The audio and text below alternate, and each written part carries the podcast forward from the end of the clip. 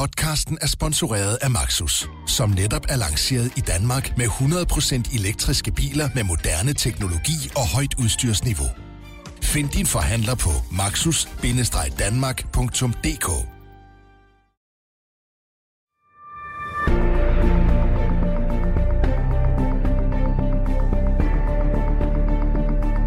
Dansk politik er i opbrud. 13 partiledere har sat sig i spidsen for hver deres parti med hver sin retning for Danmark. Hvad vil de, og hvordan vil de opnå det? Dette er podcasten, hvor hver politiske leder må svare for sit. Din vært er Berlingskes chefredaktør Mette Østergaard. Velkommen til Mød partilederen, og velkommen til formanden for et parti, som med al sandsynlighed er på vej i Folketinget, nemlig dig, Pernille Vermund, formand for Nye Borgerlige. Jeg har set frem til, at øh, du skulle komme, for vi er jo på en gammel borgerlig avis her på Berlingske, og du har nu stiftet et nyt borgerligt parti, fordi du mener, at der er en række af de andre borgerlige partier, der findes i dag, som slet ikke er borgerlige nok. Og det skal vi tale om i dag, hvor vi også skal omkring jeres ufravigelige krav til Lars Lykke, jeres ønsker om at sige farvel til både EU og internationale konventioner, og så skal vi også tale lidt om antal, ordentlighed og familiepolitik. Endnu en gang, velkommen til Pernille Vermund. Tak skal du have. Kan du begynde med at forklare, hvorfor du synes, der er brug for endnu et borgerligt parti i Danmark? Ja, man kan jo sige ganske kort, at hvis de politikere, der sidder i Folketinget i dag, og det borgerlige flertal, som sidder i Folketinget i dag, havde løst udlændingepolitikken fra bunden og sikret, at vi førte en borgerlig økonomisk politik, så har der ikke været brug for nye borgerlige. Når der er brug for os, så er det jo fordi, vi kan se, at de grundlæggende værdier, som vores samfund bygger på, blandt andet vores religionsfrihed, vores ytringsfrihed, vores ret til at forsamle os, øh, solidariteten og tilliden i vores samfund, at alle de her værdier, de er under pres. Og, øh, og det er dels som en konsekvens af en forfejlet udlændingepolitik, som jo øh, desværre stadig ikke er løst. Udviklingen er ikke vendt, til trods for, at politikerne har lovet i tid og utid, at de vil gøre det, og også ofte bryster sig af, at de fører en, en stram udlændingepolitik og laver en masse af det, de kalder stramninger, jeg vil kalde det lappeløsninger. Øh, og, øh, og samtidig så ser vi jo også borgerlige politikere, som efterhånden øh, er bange for topskattelettelser og trækker, synes jeg, Danmark i en, en meget rød retning, når det kommer til den økonomiske politik. Nu henviser du til en række både ærkeborgerlige mærkesager og også nogle principper, øh, blandt andet frihedsrettighederne. Øh, det beskriver I også i jeres partiprogram, og nu læser jeg lige op for jeres program. Ja. I skriver, vi er et dannet folk med en grundlæggende respekt for hinanden, vores historie, vores kristne fundament, vores kongehus og vores fælles myndigheder. Et folk, der kan tale sammen om tingene og leve side om side i fred, frisind og frihed, uanset køn, oprindelse, tro, seksualitet og sociale forhold. Og når jeg læser det op, så er det jo fordi, jeg synes, at den sidste del af sætningen er ret interessant i forhold til en del af jeres program, nemlig den del, der især handler om udlændingepolitikken. Øhm, og det er den del af sætningen, der hedder at leve side om side i fred, frihed og frisind, uanset køn, oprindelse, tro, seksualitet og sociale forhold. Hvorfor er den sætning så central for jer at få med? Fordi, som der står indledningsvis, så det her med, at vi er et folk, som øh, er rundet af nogle fælles værdier, som selvfølgelig kommer let til os, der har fået mind med modermælken, men som også kommer, og gudskelov bliver taget til sig, af en del af de mennesker, der kommer hertil øh, fra andre lande. Så folk, som kommer og, og synes, at Dan- Danmark er et vidunderligt sted at leve, og som respekterer vores grundlæggende værdier, dem skal vi værne om. Mm. Øh, og vi er men det skal man jo samfund... netop også så som politiker. Altså der skal ja. man vel virkelig også stå vagt om, øh, om de værdier. Og når jeg synes, det er interessant at diskutere, så er det jo også fordi, at jeg synes, at der i jeres program måske er nogle forslag, hvor det virker som om, I kommer til at gå på kompromis med nogle af de værdier. Lad os prøve at tage et øh, eksempel. Øhm, for eksempel vil du udvise alle udlændinge efter den første dom. Øh, hvorfor skal straffen være så hård i forhold til, hvis der var tale om danske statsborgere? Jeg synes sådan set, det er helt naturligt og i virkeligheden en rimeligt krav at stille, at øh, hvis man kommer hertil som udenlandsk statsborger, uanset, uanset hvorfor man kommer og hvorfor man opholder sig i et landet, at man så øh, dels forsørger sig selv og dels overholder vores lovgivning. Men hvorfor og skal der gælde andre regler, hvis man værner om borgerens frihed og rettigheder og ligestilling i forhold til loven? Jamen, vi har jo, det er jo helt naturligt sådan, at der er rettigheder, som gælder den danske befolkning, altså danske statsborgere, og så er der rettigheder for udenlandske statsborgere.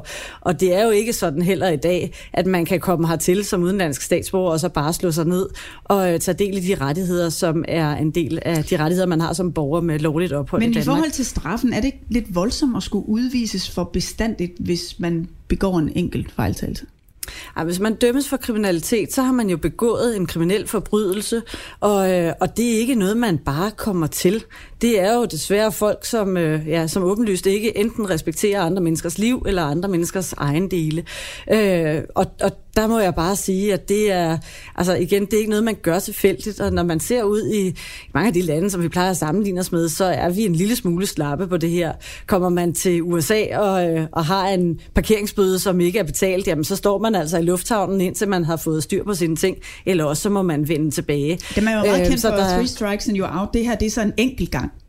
Ja, og det er en enkelt gang, fordi vi kan jo se, at der er alt for mange af dem, som er i landet, og som er dømt mange gange for kriminalitet, som bliver ved med at begå kriminalitet, og som har fået lov at være her i mange år.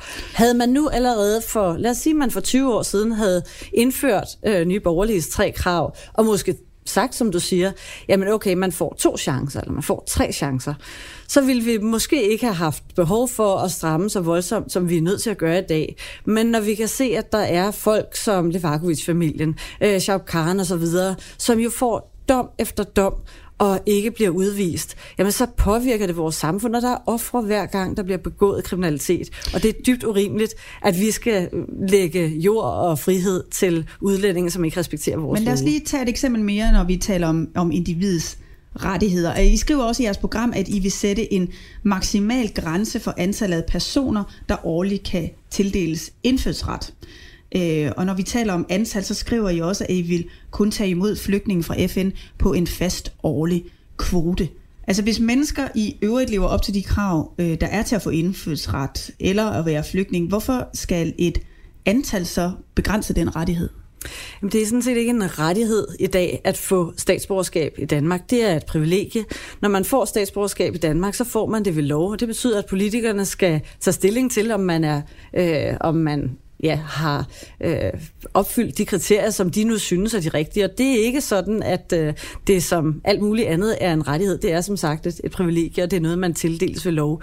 Når vi øh, siger, at der er behov for at stramme her, så er det jo desværre, fordi der er rigtig mange af de mennesker, der er kommet hertil, primært fra de muslimske lande, som ikke har respekteret vores værdier, som ikke har taget vores værdier til sig, og som alligevel har fået statsborgerskab. Men selvom man ikke tager værdier til sig, så har man vel nogle grundlæggende rettigheder som individ, isærligt hvis man har et, et borgerligt, liberalt øh, værdisæt. Men man har ikke rettigheder til at få statsborgerskab. Altså det der tror jeg faktisk ikke, der er nogen lande, der øh, anerkender det som en ret, at man kan komme til et andet land, og så øh, ændre sit statsborgerskab til det lands statsborgerskab. Der, det, er, det er et privilegie, så, så man kan ikke tale om rettigheder, når man taler om statsborgerskab. Man kan heller ikke tale om, at, øh, at man knægter folks rettigheder, hvis man begår kriminalitet og får en dom, og det er i øvrigt er indskrevet i loven, hvad konsekvenserne af dommen er. Øh, og det at udvise udlændinge for at begå kriminalitet, det tror jeg faktisk også, at langt de fleste lande de gør. Der er en del af den politik, som I gerne vil føre her, som faktisk kræver, at man opsiger nogle internationale konventioner. Øh, og I har jo også sagt, at I gerne vil suspendere flygtningekonventionen, I vil gerne udtræde af FN's statsløse konvention, og så mener I, at dansk lov skal stå over FN's menneskerettighedskonvention, øh, netop for at I kan have muligheden for at udvise kriminelle udlændinge. Hvorfor vil I gerne bryde med international lov og forpligtelser for at få jeres politik igennem? Vi vil ikke bryde med loven. Vi siger, at hvis der er lovgivning eller øh, konventioner, som står i vejen for, at vi kan passe på Danmark, at vi kan sikre, at de udlændinge, der kommer hertil, er folk, der skaber værdi for vores samfund, forsørger sig selv og overholder vores lovgivning, og at dem, som ikke gør det, de kan udvises, jamen så må man udtræde de konventioner eller suspendere dem. Når vi taler statsløse konventionen, så er det ikke ret længe siden, og det var lige før øh, Venstre fik regeringsmagten, at Venstre sagde, jamen øh, den bliver vi nødt til at udtræde af, hvis vi får magten. Øh, det er også statsløse konventionen, der på nuværende tidspunkt forhindrer os i at øh, tage de her syrienkrigere, altså de jihadister, der er rejst ud og har øh, begået terror og, og grimme handlinger i Syrien, at tage dem øh, tilbage, eller forhindre os i øh, ikke at tage dem tilbage. Men det er jo klart, at der øh, vil være nogle eksempler omkring øh, hårde kriminelle, som vil være let forståelige for alle og sige, ja. at de skal ikke være en del af det danske samfund, men problemerne ved at, at opløse eller suspendere nogle af de her konventioner er jo også, at det vil ramme bredere end dem, du taler om her. Ja, altså når vi taler flygtningekonventionen, så øh, for mig er det et, efterhånden et forældet dokument for at sige det som det er. Det er jo en konvention, som vi tiltrådte i begyndelsen af 50'erne, på et tidspunkt, hvor situationen var en helt anden, hvor flygtninge flygtede inden for Europa, flygtede til nærmeste nabolande, øh, og mange vendte også hjem, da der var mulighed for det. I dag bliver flygtningekonventionen brugt til at skabe de her migrantvandringer, som øh, er altså store folkemængder, der vandrer ikke bare til det første sikre land, men gennem mange sikre lande for at finde det sted, hvor man øh, får et liv med ja, bedste offentlige forsørgelse eller bedste mulighed for sundhed, uddannelse osv. Mm. Og det er for mig at se et, et, en forældet måde at føre flygtningepolitik på. Dels fordi vi kan se, at det er ødelæggende for vores samfund, men også fordi de flygtninge, som jo bliver ladt tilbage i nærområderne, altså typisk kvinder og ældre og børn, som ikke kan tage denne her farlige vej. Det er dem, vi svigter, når vi bruger alt for mange penge på de få, der kommer hertil, frem for at sige, at vi ved, at vi kan bruge pengene langt bedre på at hjælpe i nærområderne. Men lad os lige prøve at kigge ned i, hvad I selv skriver i jeres partiprogram. I skriver, vi skylder vores efterkommere at viderebringe et samfund, der er mindst lige så demokratisk, frit og lykkeligt som det, vi modtog. Derfor vil vi opsige konventioner og overstatslige aftaler, som forhindrer dette. Undskyld mig, skal konventionerne ikke netop sikre, at vi lever efter et sæt af demokratiske spilleregler, der netop giver de rettigheder til det enkelte individ? At det lyder som om, I er villige til at gå på kompromis med det for at forfordele danske statsborgere. Jamen, Danmark er jo danskernes land, øh, og, øh, og Danmark er ikke et land for hele verden. Danmark er danskernes land, og det er jo os, der har retten til at have både friheden og men, sikkerheden i vores land. Men går land. det netop på kompromis med nogle af de frihedsrettigheder, som har skabt det her land, hvis du begynder at gøre en sådan forskel på folk? Nej, det gør vi ikke. Altså, når vi er nødt til øh, at ændre vores udlændingepolitik, så er det jo fordi, at vi kan se, at mange af de mennesker, der er kommet hertil, primært fra de muslimske lande, desværre ikke respekterer vores værdier, vores frihed, vores øh, ligestilling mellem kønnene og de øh, ja, grundlæggende rettigheder, som vores samfund bygger på. Havde vi Men haft, tror du, vi... at det gør det bedre at sige, at så gælder de ikke for nogen? Tror du så vil der være en større forståelse af, at det er værdier, der gennemsyrer vores samfund? Jamen, rettigheder i et samfund er altid rettigheder for de borgere, som har lovligt ophold i samfundet. Så der er ikke nogen sådan universelle, øh, hvad skal man sige, øh, borgerrettigheder, som man ikke har tiltrådt på nationalt niveau.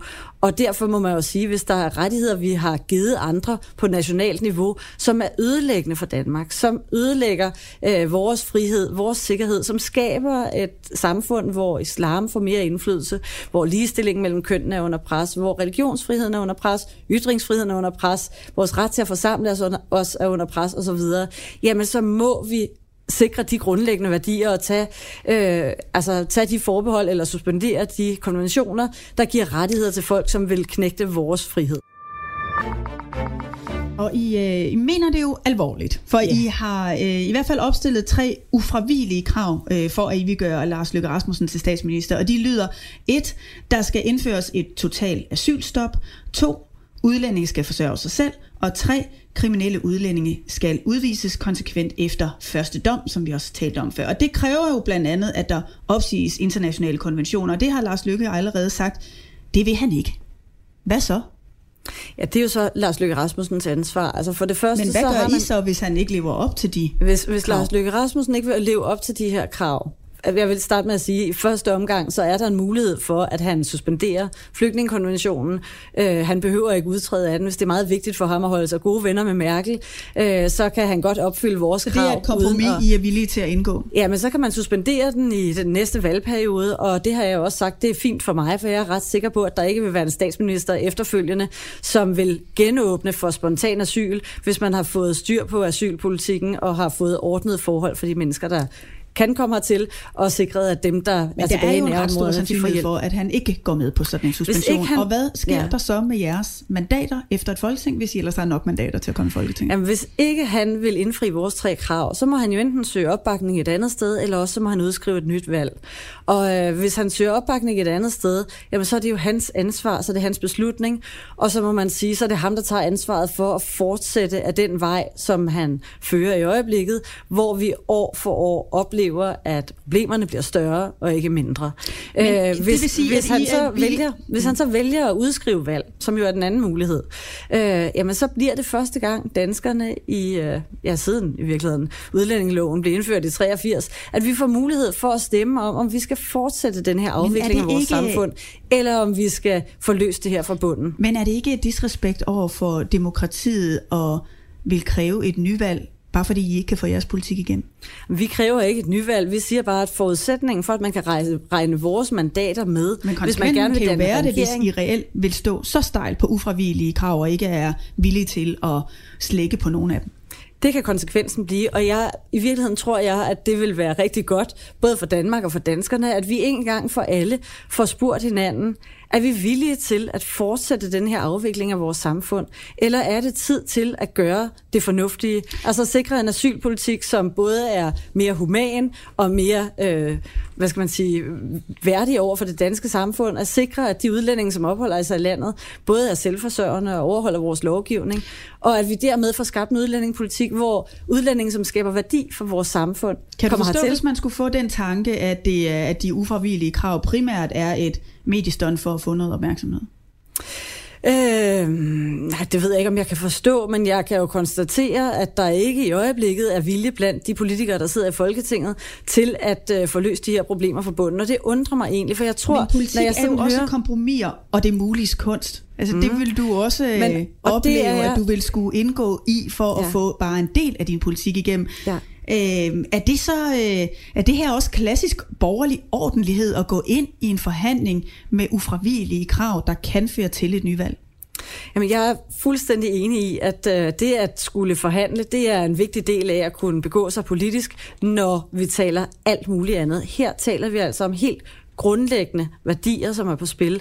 Værdier, som de siddende politikere i Folketinget burde have som primær opgave at værne om og beskytte. Og jeg synes egentlig, det er lidt vildt, at det her skal være en partipolitisk sag, når man kan se, hvordan vores øh, grundlæggende rettigheder, altså vores religionsfrihed, vores frihed til at forsamle os, vores ytringsfrihed osv., stille og roligt bliver knægtet af folk, der kommer udefra og mener, at de her rettigheder ikke er det samme værd som deres øh, religion og, og de religiøse Og bare for en god ordens skyld, så skal jeg bare spørge, om du kunne forestille dig at pege på andre statsministerkandidater end Lars Løkke Rasmussen. Du har nævnt dig selv, men derudover. Ja.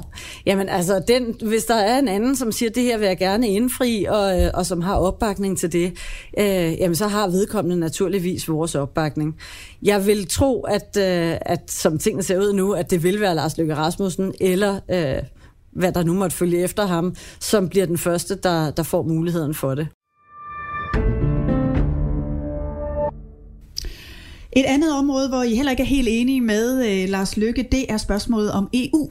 Øh, I mener, at vi skal have en folkeafstemning, så danskerne har mulighed for at melde sig ud af EU. Men, men øh, i den situation, vi står i, vi er på vej ind i et Brexit, øh, viser det så ikke netop, at det kan være en farlig kurs at gå, øh, både for et øh, lands erhvervsliv og eksportmuligheder? Nej. Vi øh, gik ind i EU med Storbritannien, og jeg synes også, vi skal gå ud af EU med Storbritannien. Når jeg ser på det EU, EU der er tilbage, så vil jeg 10 gange hellere stå skulder ved skulder med Storbritannien og med Schweiz og med Norge og Island, end jeg vil med de lande, der er tilbage, som på, særligt når vi taler om frihandel og sådan handelstraditioner, øh, minder mindre, altså de lande, der er tilbage i EU, minder jo langt mindre om os, end de lande, der nu lige om lidt står Men uden for er så EU. eksport. I vil gerne have, at, øh, at der er gode muligheder for dansk erhvervsliv. Noget andet, I, I slår på, det er jo den stramme udlændingepolitik, som vi også har talt om. Mm. Øh, I vil gerne have flere flygtninge, I vil gerne have mere hjælp i Ej, vi vil ikke have nærområdet. flere flygtninge. Undskyld, I vil gerne have færre, selvfølgelig. Ja, tak. I vil gerne have færre flygtninge, og I vil gerne have mere hjælp i nærområderne. Øh, at Danmark ikke er afhængig af EU for at løfte den opgave? Nej, tværtimod. Altså, jeg synes faktisk, at EU har øh, fejlet fatalt, når vi taler flygtninge og asylpolitik. Havde det ikke været for Merkel, der i 2015 sagde, vi schaffen, der så åbnede grænserne, da migrantstrømmen nærmede sig, jamen så havde vi ikke stået med de massive problemer, vi har i dag. Men du kan jo og ikke EU sidde jo... som enkelt parti i Danmark og sørge for, at, at EU har styr på sine ydergrænser. Det har du vel brug for andre lande og politisk øh, samarbejde for at kunne sikre. Jeg kan konstatere, at EU ikke har styr på de ydre grænser, derfor siger jeg, at det her må vi så løse. Hvis Danmark, øh, ja, det tror jeg, fordi jeg siger, at det her må vi jo så løse nationalt. Det har man indtil videre gjort med en midlertidig grænsekontrol, og øh, den har jo fungeret åbenlyst. Vi kan se, at der er rigtig mange af de kriminelle, som har forsøgt at komme ind i landet, som er blevet stoppet på vejen. Der er 20 koster, der er stoffer og våben osv., der er blevet stoppet. Så, øh, så grænsekontrollen har virket virket, den er vi nødt til at værne om. på, at så tager og vi den danske vi... grænse, og så resten blandt andet i Sydeuropa, det må de enkelte lande klare. Det tror du vil det føre faktisk, til færre flygtninge? Det vil føre til færre flygtninge. Øh, det er jo sådan set det, der har medført, at der trods alt er færre flygtninge på nuværende tidspunkt, end der var i 2015. Og, øh, og det, der skete, da Merkel, hun sagde, det er jo også, fordi man har lavet en EU-aftale ja, men, prøv at høre her. Det, der skete, da Merkel, hun sagde, vi Schaffendas, det var jo faktisk, hvis man er så optaget af aftaler, det var jo faktisk, at, øh, at hun fuldstændig gik, på, gik imod den aftale, der er i EU. Der er en Schengen-aftale, vi havde en dobbelt Dublin-forordning, som jo med et blev suspenderet. Øh, den, hvad skal man sige, aftale, der var om, at man værnede om de ydre grænser, og så kunne der være fælles åbne indre grænser, og aftalen om, at asylansøgere skulle søge første øh, sikre land. Begge de aftaler, de blev suspenderet med, med et øh, slag. Og der mener jeg bare, hvis man skal, altså hvis man skal følge Merkel og følge EU, så går man i en forkert retning, og en retning, som på alle måder, også på asylpolitikken, vil være skadelig for Danmark. Så vidt uh, EU-spørgsmålet i den her omgang. Nu går vi lige videre til en lynrunde. Ja.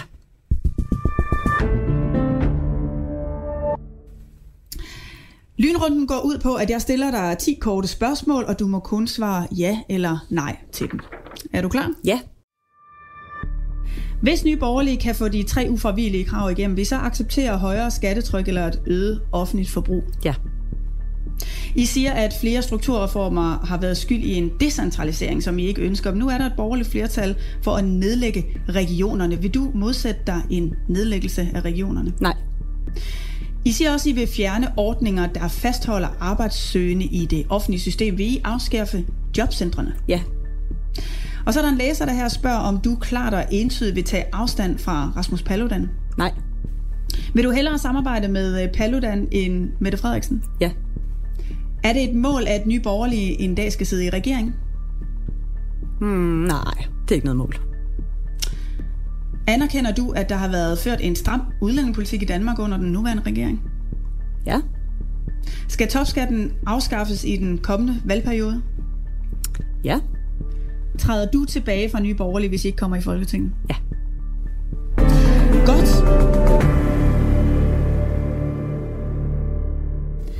Et af de områder, som øh, vi har fået en del spørgsmål fra læserne på, øh, det er familiepolitikken. Og I har også nogle punkter i jeres program. I skriver blandt andet, at børnefamilier skal have større økonomisk frihed og råderum til at drage omsorg for egne børn. Hvordan vil I gøre det, og hvordan skal det finansieres? Jamen dels så skal vi jo både have sænket skatter og afgifter for de danske familier. Vi betaler alt for meget af det, vi tjener til det offentlige, og det betyder, at rigtig mange danskere føler, at de løber rundt i sådan et velfærdshamsterhjul i hverdagen. Så skattetrykket skal ned, lavere skatter og lavere afgifter. Skal man så skal øh, vi... have mulighed for at have altså bedre økonomiske muligheder for at passe sine børn derhjemme? Ja, det skal man. Øh, vi ser gerne, at pengene følger børnene, og at man op til børnehavealderen, altså op til de tre år for danske statsborgere har mulighed for at øh, få et fradrag, i stedet for at man øh, får det tilskud, som børnene får, når de, når de går i vuggestue. Hvis I gør det, er det så ikke bare den lige vej til at få kvinderne tilbage til kødgryderne?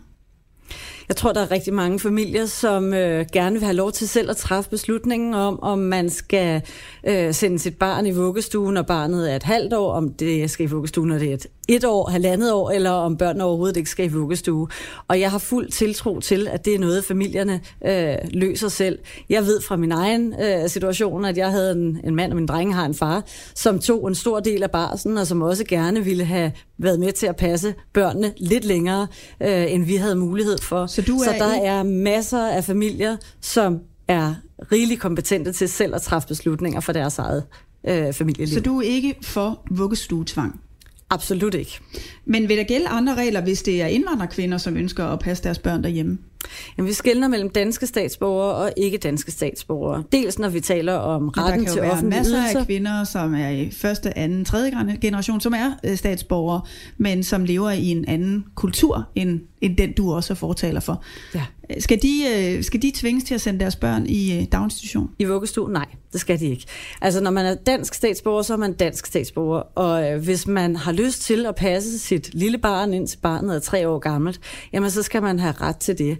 Øh, jeg tror, der vil være, igen, jeg tror simpelthen, der vil være så mange familier, som vil, selvfølgelig være mange, der vælger at gøre det samme, som de gør i dag, men jeg tror også, der er mange familier, der vil få en, en helt anden begyndelse på familielivet, og en mulighed for at, øh, at stå stærkere som familie, også i længere tid, end vi oplever i dag, hvis man giver lidt mere frihed til familierne, når børnene er helt små. Minimumsnummeringer, det er jo også noget, der bliver diskuteret rigtig meget for tiden. At vi har en øh, læser, Signe Lindegård, som spørger, om I er for minimumsnummeringer. Nej, det er vi ikke. Vi mener ikke, at politikerne skal blande sig i den faglige ledelse ude i daginstitutionerne. Vi ser gerne, som jeg sagde før, at pengene følger øh, børnene og borgerne, øh, og at man har mere ansvar til øh, den faglige ledelse på den enkelte institution, sådan så man kan indrette øh, institutionen, som det passer i forhold til, øh, hvor i landet man er, og hvilke udfordringer, som, som de børn, man nu øh, har i institutionen, de har. Og der kan være forskel på, om det er en stor eller en lille institution, om det er øh, børnehaver, som er ude i naturen hele dagen, eller om det er bybørnehaver. Og, altså, det må være den faglige ledelse på det enkelte sted, som træffer de beslutninger. Det sidste emne, vi skal omkring, det er klima, noget som også optager øh, mange vælgere i den her øh, valgkamp. Øh, tror du på, at der er menneskeskabte klimaforandringer? Mig bekendt er der ikke nogen forskere efterhånden, der, øh, der siger, at der ikke er en vis påvirkning fra menneskeskabt CO2 øh, på klimaet. Så altså, det er jo ikke noget, man, man kan selvfølgelig sige, man, kan ikke, man tror ikke på videnskaben, men for mig er det ikke et spørgsmål om tro. For mig er det jo et spørgsmål om at, at lytte til videnskaben, og når videnskaben siger, at, øh, at menneskeskabt CO2 i et eller andet omfang øh, påvirker vores klima, jamen så er det det, vi må forholde os til, indtil videnskaben måske en dag mener noget andet, hvis de kommer til det. Spørgsmålet er så, hvad man skal gøre ved de klimaforandringer. Når man læser jeres program omkring miljø og klima, så står det ret klart, at I ikke er for reguleringer. Øh, I skriver blandt andet, danskerne har altid levet af naturens gaver, og staten skal ikke skabe forhindringer for landmanden eller fiskeren, der passer sit værv uden at genere fællesskabet. Betyder det, at I vil opsige en række klimakrav til fordel for landmændene? Øh, vi, vil, vi er jo faktisk i den situation, at vi har et landbrug i Danmark i dag, som har sagt, at de kan være med til at løse øh, hele det øh, mål, vi har i forhold til at øh, reducere den menneskeskabte CO2 i Danmark. Og de har en række bud på, hvordan de kan gøre det, men de siger selvfølgelig også, at når produktionsmetoderne ved at gøre det er dyrere, jamen så risikerer de at miste konkurren- konkurrenceevne, hvis de gør det.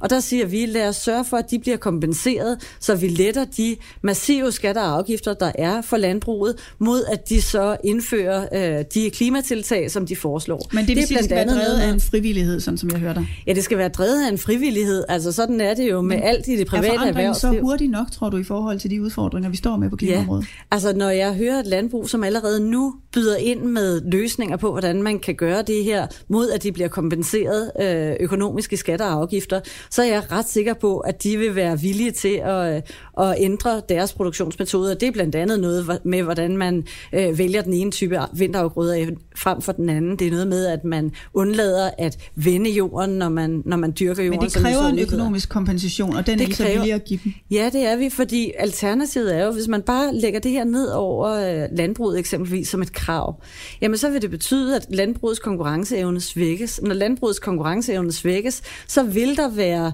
øh, produktion, som flytter til andre lande. Hvor mange penge hvor, regner I med, I skal bruge ja, prøv lige på at lave den lad mig høre færdig, fordi hvis, hvis produktionen rykker til andre lande, så er vi jo lige vidt. Så får vi dels færre dansk produceret fødevarer, men vi får også en større udledning af CO2, selvom det så ikke bliver fra dansk jord. Men det kræver så en kompensation nu og her. Ja. Hvor meget øh, vil I sætte af til at give den kompensation til landbruget?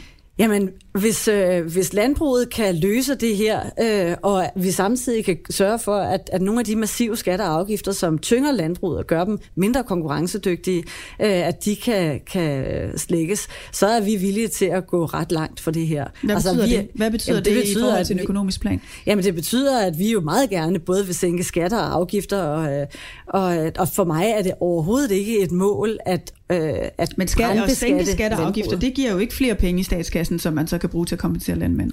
Ej, men jeg tror, hvis du spørger venstrefløjen, så er de klar til at bruge rigtig mange penge på at, øh, at øh, begrænse CO2-udledninger. Vi siger bare, jamen hvis vi kan øh, omfordele de penge, så i stedet for at opkræve dem i skatter og afgifter fra landbruget, som jo så i virkeligheden vil være et, på kort sigt øh, en mindre indtægt til statskassen, mod at landbruget løser denne her opgave sammen med os. Så Eller de for skal os, kompenseres via lavere afgifter. via lavere skatter og afgifter. Det ja. siger I også, at I øh, vil lette familier og virksomheder for miljøafgifter. Hvad er det for nogle afgifter? Jamen, øh, vi har jo massive afgifter, blandt andet på vores el i dag. Øh, mellem 60 og 80 procent af vores elregning i Danmark, den går til afgifter og administration. Og det er jo afgifter, som i høj grad vender den tunge ende nedad, og som også, når man hører økonomer udtale sig om, hvordan vi kan forbedre økonomien i Danmark, øh, er et af de steder, hvor man mener, at her bør man altså sænke afgifterne. Så elafgiften er et, som familierne i hvert fald kunne mærke, men du vil ikke Ja. sige, hvad det er for nogle afgifter i forhold til Og når vi taler landbruget, så er det jo blandt andet de afgifter, der i dag er på planteværen. Øh, altså de her pesticidafgifter, som jo er helt horribelt høje, og som betyder igen, at landbruget i Danmark altså har vel, vældig svære konkurrencevilkår Men er i de ikke forhold netop til... så høje for at sikre, at vi har en, øh, et ordentligt miljø, at vi har et ordentligt drikkevand? Nå, men når vi taler om planteværn, jeg tror faktisk ikke, der er ret mange landmænd, som ville gå ud og øh, sprøjte fire gange mere. Det koster jo penge. Øh, gå ud og sprøjte fire gange mere, øh, fordi afgifterne blev sænket. Tværtimod, så ville det give dem en konkurrencefordel i forhold til øh, de lande, som vi ellers øh, konkurrerer med. Så er det rigtigt Så- at konkludere, at I øh, synes, at det er vigtigt at gøre noget ved klimaforandringerne, men det må ikke gå ud over vækst og arbejdspladser? Ja, det er rigtigt at konkludere.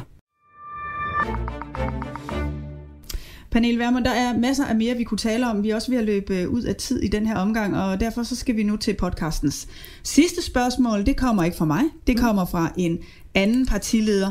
Øh, vi har her i podcasten en partilederstafet, som betyder, at I stiller spørgsmål til hinanden, og dit spørgsmål det kommer fra Kristendemokraternes Stig Grenov, og det lyder sådan her. Jeg vil gerne spørge Pernille Vermund om, hvordan hun vil finde de mange penge til sygehuse og skoler, når hun samtidig vil spare så mange milliarder i skat. Jamen, hvis vi kun brugte penge på sygehus og skoler i dag, så havde vores skattetryk været meget, meget lavt. Der er selvfølgelig også andre vigtige øh, offentlige kerneydelser, som skal leveres. Dilemmaet i dag er, at vi dels bruger 35 milliarder årligt på ikke-vestlige indvandrere og efterkommere. Det kan vi gøre bedre. Det skal vi ikke bruge penge på. Vi bruger cirka ja, omkring... Nej, det skal vi ikke bruge penge på, siger du. Det er jo Nej. en forholdsvis usikker øh, finansieringskilde at regne med, at man kan få så, færre, øh, så mange færre udlændinge og så færre, meget færre udgifter til, øh, til det område, at man kan finansiere en stor del af de skattelettelser, som vi gerne vil give. Jamen, når Finansministeriet har regnet på, at på et år i 2016, der brugte vi 35 milliarder på ikke-vestlige indvandrere og efterkommere, så er det jo en udgift, vi har ud over, øh, altså som, en udgift, som vi har i vores samfund, som set med mine øjne ikke skal være der. Vi har også jobcentre, som ikke løser de opgaver, de skal, og som vi meget gerne vil have lukket. Øh, der er Danmarks Radio, som vi meget gerne ser privatiseret. Men den store post, den ligger jo i, at vi jo har haft en centralisering af vores samfund, hvor man har bevæget sig i en retning, hvor der er kommet væsentligt flere akademikere, både i staten og regionerne og i kommunerne, og væsentligt færre, der leverer kerneydelser. Og det har både øget udgiften til det offentlige og svækket servicen i det offentlige. Så hvis man går den anden vej og decentraliserer vores samfund og siger, lad os nu få ansvaret tilbage til de nære samfund, til øh, lokalområderne, men også sikre, at det er den faglige ledelse og ikke tøfferne og dem, der sidder med regnearkene, øh, som, øh, som får ansvaret derude, jamen så vil man, altså en decentralisering vil kunne frigive mange af de her akademikere til gode jobs i det private erhvervsliv, hvor de jo kan gøre nytte, og dels være med til at bidrage endnu mere til vores samfund økonomisk, og også give en besparelse. Ikke mindst for de mennesker, som for eksempel sygeplejerskerne, der i dag bruger unødvendig meget tid på dokumentation. Men lad mig lige holde fast i spørgsmålet om at få finansiering fra mm. udlændingeområdet. Hvor er, du, øh, hvor er det, du ser, at man umiddelbart kan få færre udgifter på det område? Jamen det er dels ved at sige, at øh, som er et af vores tre ufravillige krav, at udlændinge, som opholder sig i Danmark, skal forsørge sig selv. Altså at retten til offentlig forsørgelse skal knyttes til det danske statsborgerskab. Det betyder, at man ikke længere vil kunne komme hertil og leve af kontanthjælp, eller øh, få en førtidspension, eller hvad man ellers kan få i dag. Så der er penge at spare. Så er det alle integrationsudgifterne, både det, der er fra statens side, når øh, asylansøgere kommer hertil i dag, men også det, der ligger i kommunerne, hvor der er et væld af projekter, som jeg i virkeligheden tror, øh, hvis jeg skal være helt ærlig, at der ikke er nogen, der har et overblik over, øh, hvor mange penge, der ligger derude i kommunerne og bliver brugt på diverse integrationsprojekter. Der siger vi, at det at integrere sig i et samfund, det er altså et personligt ansvar. Præcis som hvis vi tog til et fremmed land, jamen, så vil vi også forvente, at det var et personligt ansvar for os at integrere os og, og tage det lands værdier til sig. Vi ser, om vi kommer igennem med jeres uforvillige krav, og øh, om I dermed kan hjemtage en, en del af de her øh, udgifter. Øh, til sidst så skal jeg bede dig om at stille et øh, spørgsmål, øh, nemlig til Liberal Alliances formand, øh, Anders Samuelsen. Hvad vil du gerne spørge Anders Samuelsen om? Ja, vi står jo over for et EP-valg, og øh, LA og Anders Samuelsen har jo tidligere været fortalere for at, øh, at reformere EU indefra. Det er ikke lykkedes så godt endnu, og nu kunne jeg læse i Berlingske, at, øh, at Mette Bock på sigt gerne vil tiltræde bankunionen. Øh, jeg kunne godt tænke mig at vide, om det er LA's politik, at man skal tiltræde bankunionen. Måske ikke her nu, men på længere sigt. Og, og hvis det er det, hvor meget mere og hvor mange flere forbehold skal vi så øh, ud af? Pernille Vermund, øh, tak fordi du kom og fortsat god tak. valgkamp. Tak. Mød partilederen. En podcast udgivet af Berlingske du kan finde podcastens øvrige afsnit på berlingske.dk eller der, hvor du ellers lytter til dine podcasts.